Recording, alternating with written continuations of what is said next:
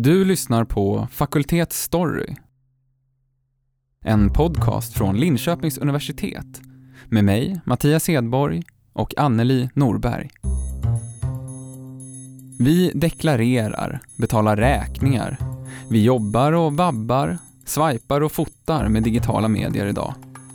Och du som är vuxen kommer hela livet få jobba upp din digitala kompetens. För du är ju inte född i den här nya eran. När du föddes, då var Facetime fiktion. Bara något du såg i sci-fi-filmer eller läste om i böcker. Men för våra allra yngsta kommer det vara helt annorlunda. För dem kanske det är julkortet eller vykortet från semestern som är det verkligt obegripliga. Hur hamnade det där pappret i den där lådan? Och varför? I Fakultetsstory idag om digitala medier för våra minstingar och om budskapen som råder just nu kring användningen av dem. Världshälsoorganisationen, WHO, rekommenderar ingen skärmtid alls för barn under två år och max en timme stillasittande skärmtid för två till femåringar. Det är nog inte många svenska småttingar som klarar de gränsvärdena. Men vi har också vår egna nationella digitaliseringsstrategi. Vi har förskolans läroplan, vi har kommunens digitala agendor som säger att även de allra, allra minsta ska utveckla en täckande digital kompetens. Som ni hör så är det svårt det här. Vad ska föräldrar och förskolepedagoger egentligen lita på? Och vad är det vi faktiskt vet om hur riktigt små barn lär sig? Vad jag egentligen grundar det här på är den forskning som vi har gjort när vi har tittat på hur barn lär sig från digitala media. Och det vi ser är ju att ja, men barn kan lära sig från digitala media, men det är inte så lätt. Annette Sundqvist, docent i utvecklingspsykologi och forskare vid det så kallade Babylabbet på Linköpings universitet. De behöver mycket mer repetitioner. Det behöver vara ett väldigt genomtänkt socialt material och det behöver helst vara en vuxen som sitter bredvid. Då kan barnet lära sig från digitala media, men inte av sig självt när de bara sitter där. Då är det mycket, mycket svårare. De behöver många, många fler repetitioner. Så att det är inte en lätt väg för barn att lära sig från den här platta skärmen. Precis lika svårt som för ett barn att lära sig från en bok. En bok är också en platt skärm så sett. Men vi sätter väldigt sällan en bok i händerna på våran ettåring och säger här, lille Pelle, lär dig nu alla djuren. Mm, så där sitter vi bredvid och pratar och säger vovve och katt eller vad vi nu säger. Mm. Och precis på samma sätt måste vi tänka med andra, andra um, tvådimensionella verktyg. Det är ett verktyg. Ska du ta bort tänderna? Ja, så, tack.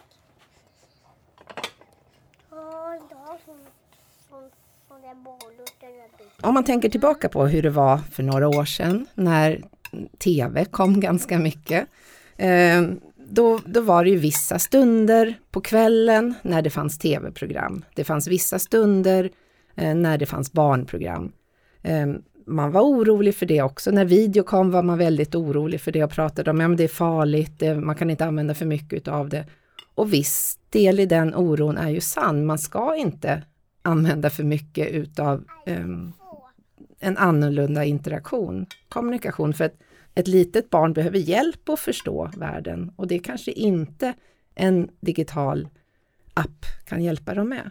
För den vuxna måste anpassa sin kommunikation och sitt sätt att prata till där barnet är just där och då.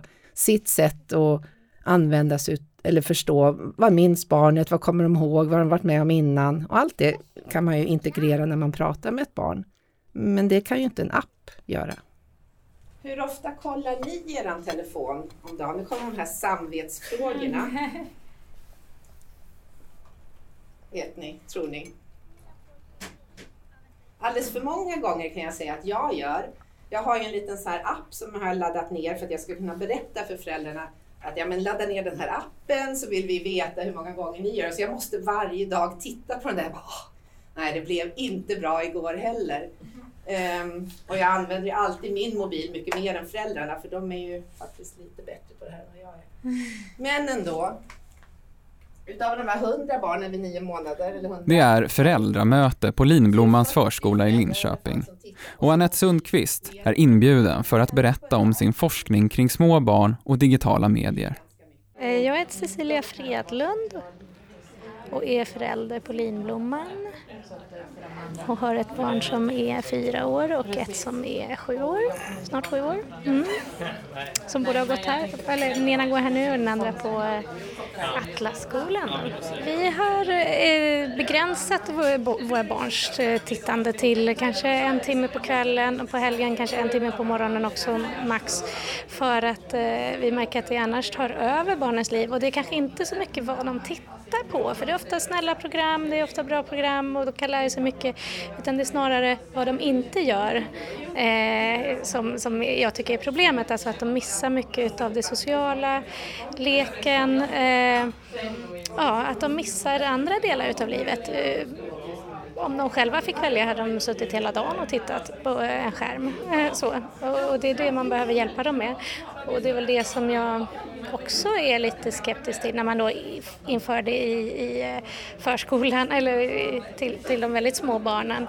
Att, eh, jag är inte orolig för vad som man tittar på eller vad man ska liksom göra med det utan vad man missar alltså i leken, i det sociala samspelet eh, eh, och eh, ja, framförallt att det kan störa i leken och om det helt plötsligt kommer in en pad, iPad så bryter man leken och så blir allt fokus på det.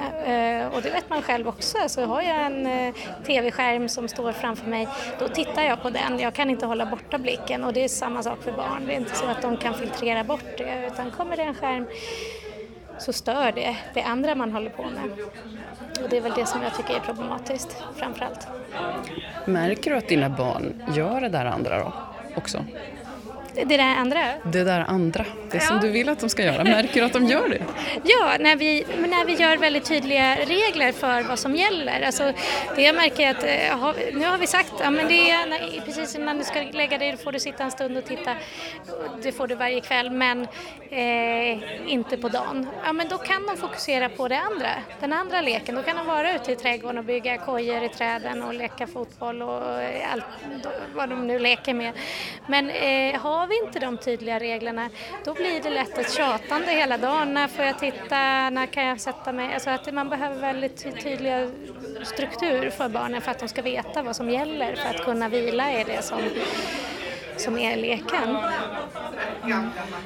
Alltså vi tycker det är väldigt problematiskt i den här förskolan för att vi har ett, eh, ett, eh, en pedagogik här som rör väldigt mycket leken, alltså att det är leken som ska vara centrum och vi har svårt att se hur en iPad i den pedagogiken på ett naturligt sätt kan komma in och när det överhuvudtaget skulle gagna barnen. Därför så är det en pågående diskussion just nu hur vi ska kunna förhålla oss till den här lagen för att det ska bli bra för barnen helt enkelt. Eh, Så. Mm. Men där kanske föräldrar och pedagoger just här på Linblomman är överens? Absolut, Eh, det tror jag vi är väldigt överens, både föräldrar och pedagoger, att vi faktiskt inte tycker att det passar bra in i vår pedagogik. Eh, och då blir det ju problematiskt att det blir en tvingande lag, alltså att man måste ha det och hur man då ska lösa det. Eh, och, och att det då blir mer, hur kan, vi, ja, hur kan vi komma runt det här problemet mer än att det är hjälp för oss. Ser du några positiva saker? Finns det något skäl? Inte i förskolan tycker inte jag. Alltså jag kan eh, absolut se att det finns positiva saker att ta med dig i skolan eller förskoleklass, alltså när de är så pass stora. Då tycker jag absolut man kan se att det finns fördelar med att ha med det i pedagogiken, men inte barn eh, under sex år. Jag, har svårt att se vad, vad, att det i förskolan skulle, för de får alldeles för mycket av den här tiden generellt hemma tycker jag och, och då, då ser jag inte att det tillför något. Så jag är kritisk. Mm. Man har ju tittat på det här på många olika sätt och man har tittat på det i flera, flera år, fast faktiskt innan det fanns mobiltelefoner så har man gjort studier där man har låtit ett, ett barn och en förälder engagera sig med varandra, prata, skratta, skoja med varandra. Och sen så helt plötsligt så, så ger föräldern inte något gensvar till barnet. Man är alldeles stilla i ansiktet. Eh, och det här är inte testat med mobiltelefoner, men man kan tänka sig att det är precis samma eh, sak som händer där. Om en förälder ganska ofta tar upp mobiltelefonen, kommunikationen med barnet bryts, så blir barnet oroligt. Eh, även om det bara händer en kort stund så bryts kommunikationen och barnet blir oroligt.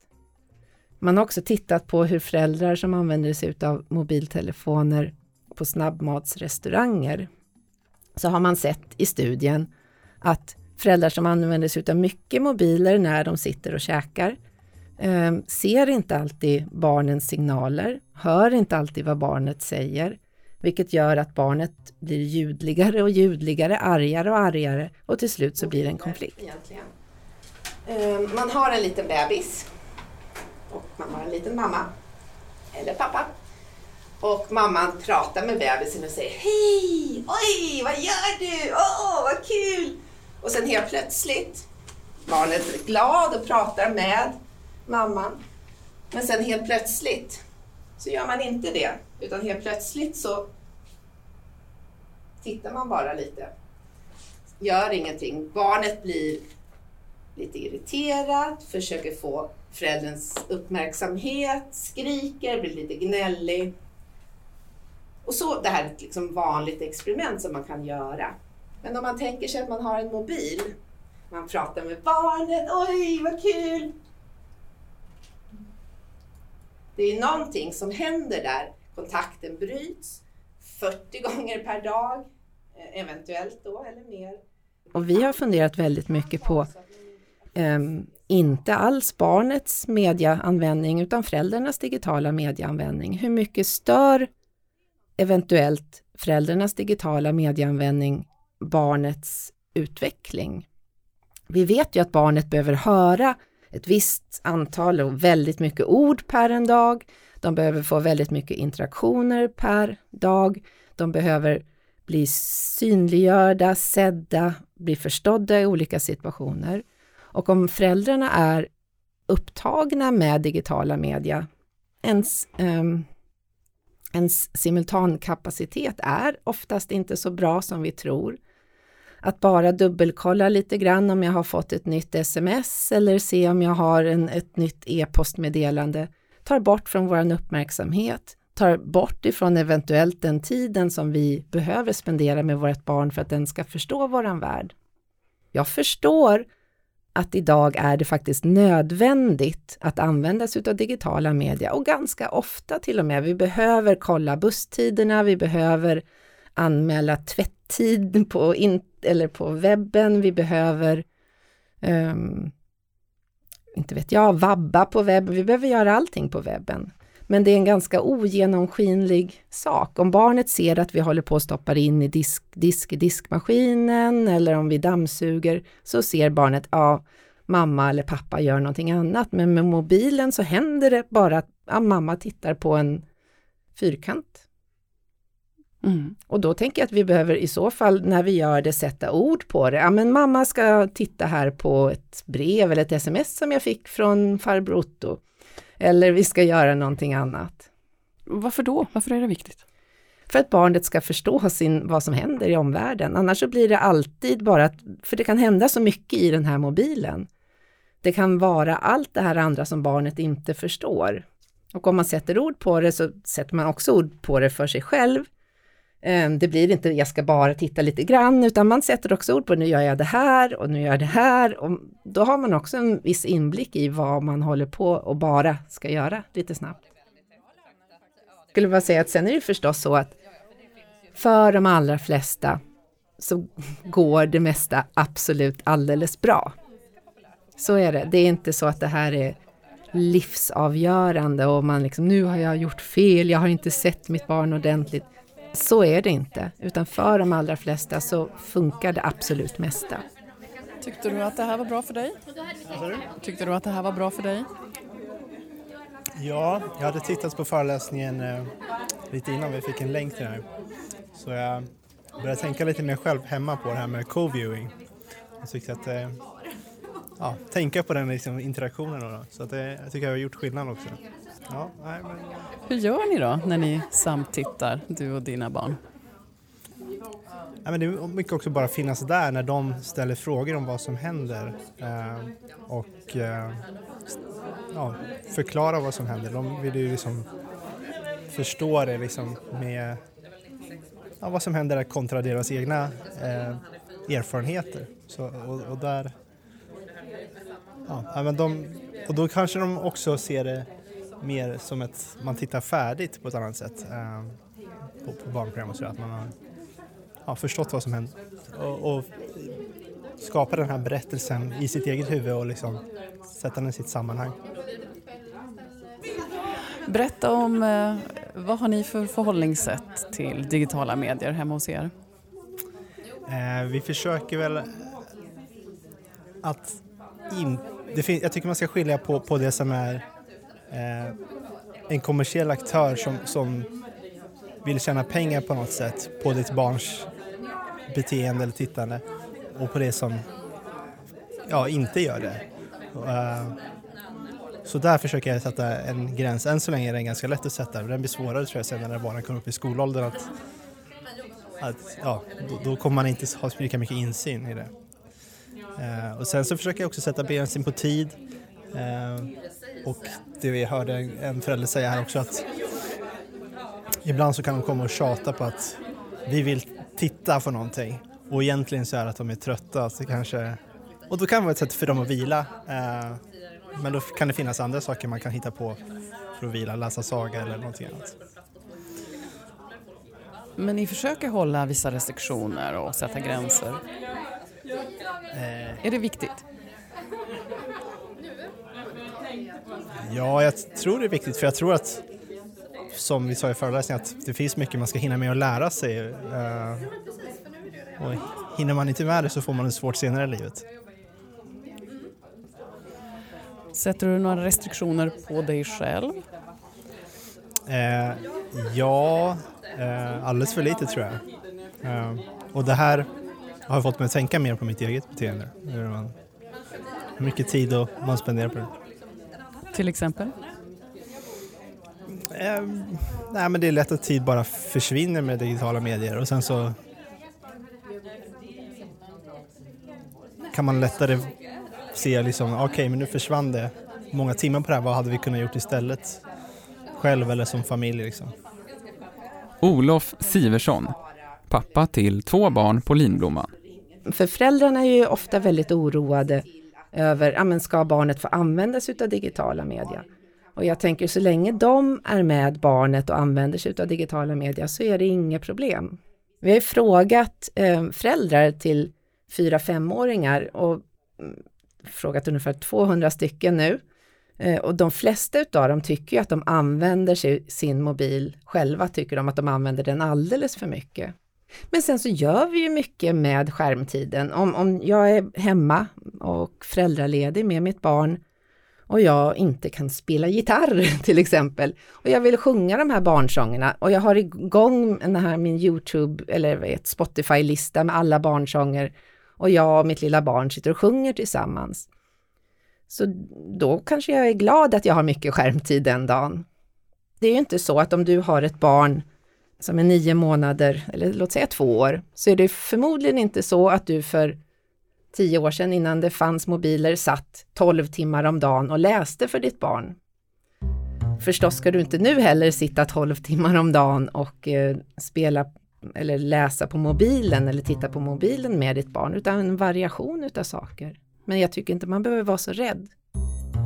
Nej, det är inte lätt att vara förälder. Inte lätt att vara förskolepedagog heller. När kraven och de pedagogiska ambitionerna krockar. Förskolans läroplan talar om att även våra minsta ska utveckla en adekvat digital kompetens. För de här småttingarna som inte ens levt en enda dag utan digitala medier. Nej, deras första selfie var ju förmodligen på BB. Och, och de kommer ju vara infödda vare sig eh, man har det här på förskolan eller inte, för de ser ju det här hela tiden. De ser eh, mobiltelefoner överallt, eller de ser ehm, skärmar eller datorer. Det, det, det har ju de ju förståelse för vad det är. I våras kom Världshälsoorganisationen med sin allra första rekommendation kring barn och skärmtid. WHO lyfter fram vikten av sömn, fysisk aktivitet och lek för att minska hälsoriskerna för de här barnen i vuxen ålder. Och då var det det här med skärmtiden. Alltså noll timmar för barn upp till två år och en timme max per dag för barn mellan två till fem år. Samtidigt så uppmuntrar och faktiskt kräver förskolans läroplan och vår nationella digitaliseringsstrategi och Skolverket och kommunernas digitala agendor något helt annat.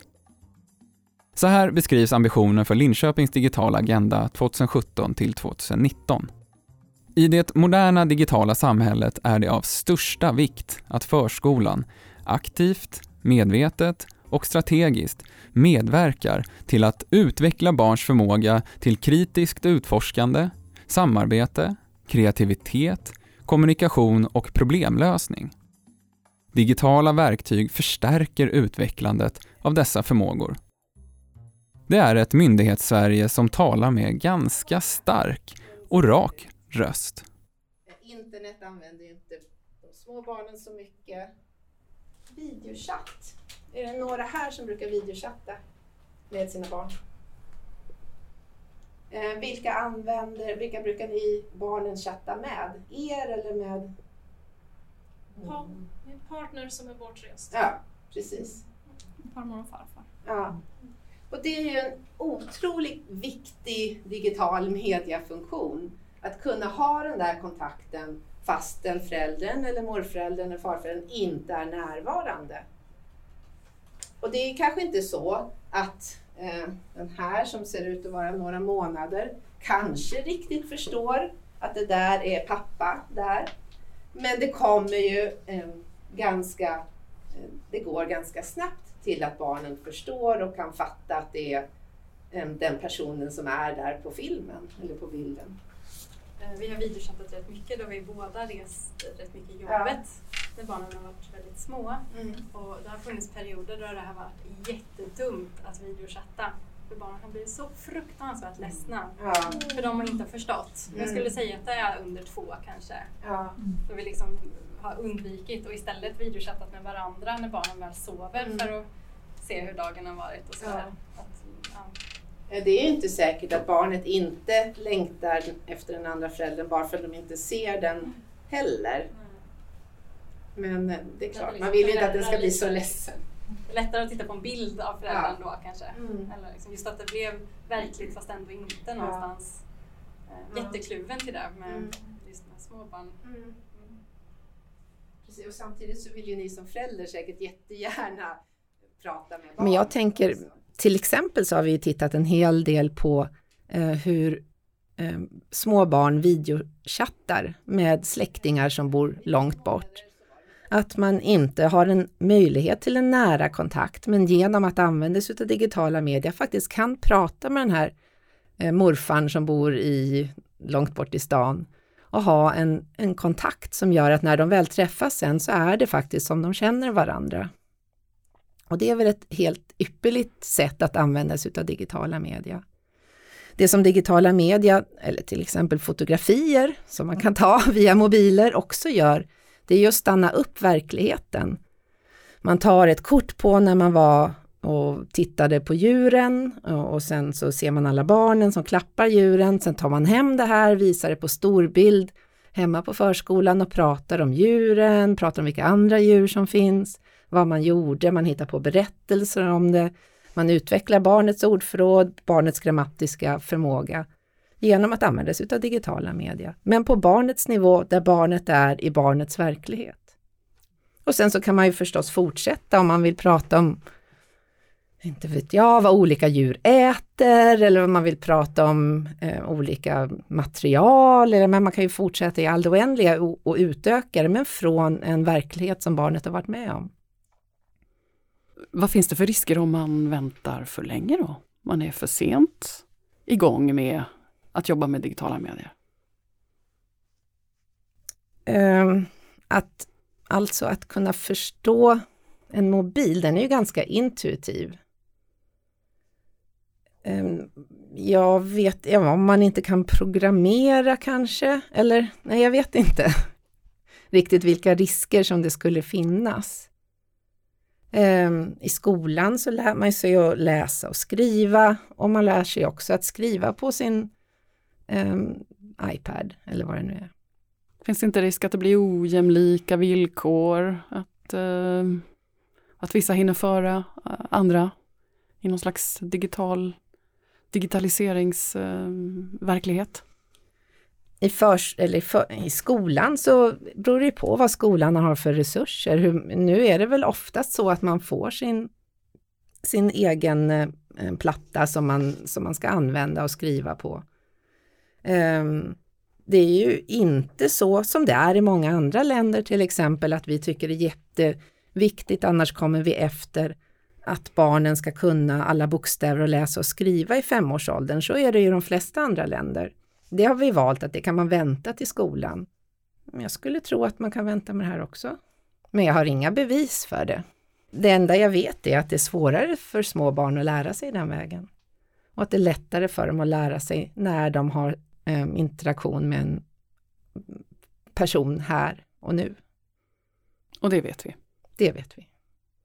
Ja, men det som vi, våran forskning min, eller började utifrån är ju dels för att veta, ja, men hur ser det ut just nu? Hur ser det ut för de här barnen som, som växer upp i den digitala världen? Hur mycket använder de sig av digitala media? Det visste vi ju inte. Hur pratar föräldrarna med dem? Det visste vi inte. Hur lär de sig? Det visste vi inte. Vi hade en tanke att det kanske var så att barnen som använde sig utav mer digitala media hemma var också de som lättare kunde lära sig från digitala media i våra minnestest um, på på, eh, hos oss när vi träffade barnen. Ehm, det vet jag inte riktigt än om det är så. Ehm, vid nio månader i alla fall så var det inte så. Vad händer härnäst då i er forskning? Vad är ni nyfikna på att ta reda på nu? Ja, vi tittar på lite olika saker. En del som jag är jättenyfiken på är att se um, hur påverkar det här barnens förmåga till annan lek? Till exempel om man använt sig mycket av digitala media så finns det olika sorters innehåll i digitala media. Visst innehåll är väldigt mycket socialt, man ska hjälpa människor, man ska göra på olika sätt. Annat digitalt medieinnehåll handlar om att man ska köra snabbast och komma liksom längst fram. Har det här någon betydelse för hur man leker i andra sammanhang? Får det betydelse för hur barnet kan samarbeta med andra barn? Får det betydelse för hur, um, hur man förstår andra helt enkelt. Um, sen är vi också intresserade av hur föräldrarna uppfattar det här. Att um, om, om, digitala media stör deras samvaro med barn och uh, andra i sin omgivning. Relationerna så att säga, om de mm. påverkas av uh, att det här, att det här uh, rastret kommer emellan. Mm. Nej men precis, så att det någonting som vi har tänkt att titta på i, i flera olika åldrar. Vi håller ju på med en stor studie uppbyggt tillsammans med forskare från flera olika länder.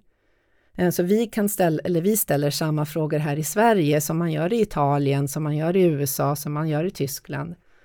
Och sen så kan vi på något sätt då se, men hur ser det ut i andra länder? Vad har vi att lära oss utav hur man har tänkt i Italien eller i USA? Har ni några hypoteser som ni jobbar efter?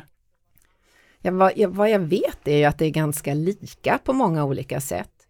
En intressant sak när vi bara jämför det lite grann är att um, vi har ju låtit föräldrarna spela in en, en vanlig dag hemma um, när de är hemma med sitt barn. Och det vi ser hos våra svenska föräldrar är att de verkar vara ganska pratsamma och det verkar vara väldigt mycket mindre digitala media jämfört med andra länder faktiskt. Oväntat. Mm. Men, men det är alltså digitala media som hörs. Um, sen så kan det ju förstås vara så att föräldern tittar på mobilen och läser någonting eller så, men ljudmässigt så är det mindre. I andra länder har man oftare på tvn som bakgrundsljud eller musik i bakgrunden. Och det vet man att det är också inte så himla bra för barnets förmåga att koncentrera sig, uppmärksamma det man pratar om, att de kan bli störda utav det. Men det ser vi inte så mycket hos de föräldrarna som vi har undersökt. Ja, men får jag fråga något? Ja. Vad är din åsikt då kring det här med att liksom, eh, digitala medier ska in i förskolan? Eh, så överallt. Eller för jag tänker att det är, generellt nu så är det ju egentligen ett problem att barn sitter för mycket vid datorer och att man rör sig för lite, man liksom leker för lite. Alltså så, det är ju egentligen vad studierna visar. Liksom. Men eh, hur tänker du kring jag den här? Jag tänker så här, att om man ska använda sig av digitala medier så tänker jag att det finns väldigt många roliga sätt att använda sig av digitala medier i förskolan. Men till, om man, och det beror på hur man menar med digitala medier. Då menar jag, jag tycker inte appar, men jag tänker att man kan gå ut med sin padda och så kan man ta digitala kort eh, när man är ute på en utflykt. Så kan man ta hem korten, man kan prata om utflykten, eh, man kan sätta ord på det, man kan hitta på berättelser om utflykten. Det skulle jag tycka var ett bra sätt för förskolan att använda sig av digitala medier, till exempel. Eh, eller att man ja, använder det för att lyssna på eller, sånger eller, eller någonting sånt. Men att, att använda det som en pedagogiskt hjälpmedel, det tycker inte jag. När jag pratade med min, min 15-åring eh, som om jag skulle säga åt henne att hon skulle lägga ner sin mobil så skulle hon säga, liksom se ut som jag skulle säga åt henne att amputera armen. Eh, hon kan aldrig lägga ner den och vi har många bråk om det här. Men, nu när de är tonåringar så tror jag aldrig att mina barn går mer än fem centimeter från sin mobil. Jag tror inte jag skulle kunna be dem att lägga ner dem. Det skulle vara det värsta straff någonsin. Det är inte lätt att vara förälder. Och det är ju ändå skillnad hemma, privat, i en familj, när de allra flesta gör så gott de kan. Mm. Och sen då förskolans värld. Och man man vill ju gärna att förskolan ska göra de valen som man själv tycker. Men förskolan måste också stå för sina val, eller pedagogerna måste stå för de val som de gör. Och kunna ha möjlighet att göra det. Du har lyssnat på Fakultet Story, en podcast från Linköpings universitet med mig, Mattias Edborg och Anneli Norberg som också gjort intervjuerna. Vi hörs igen nästa vecka.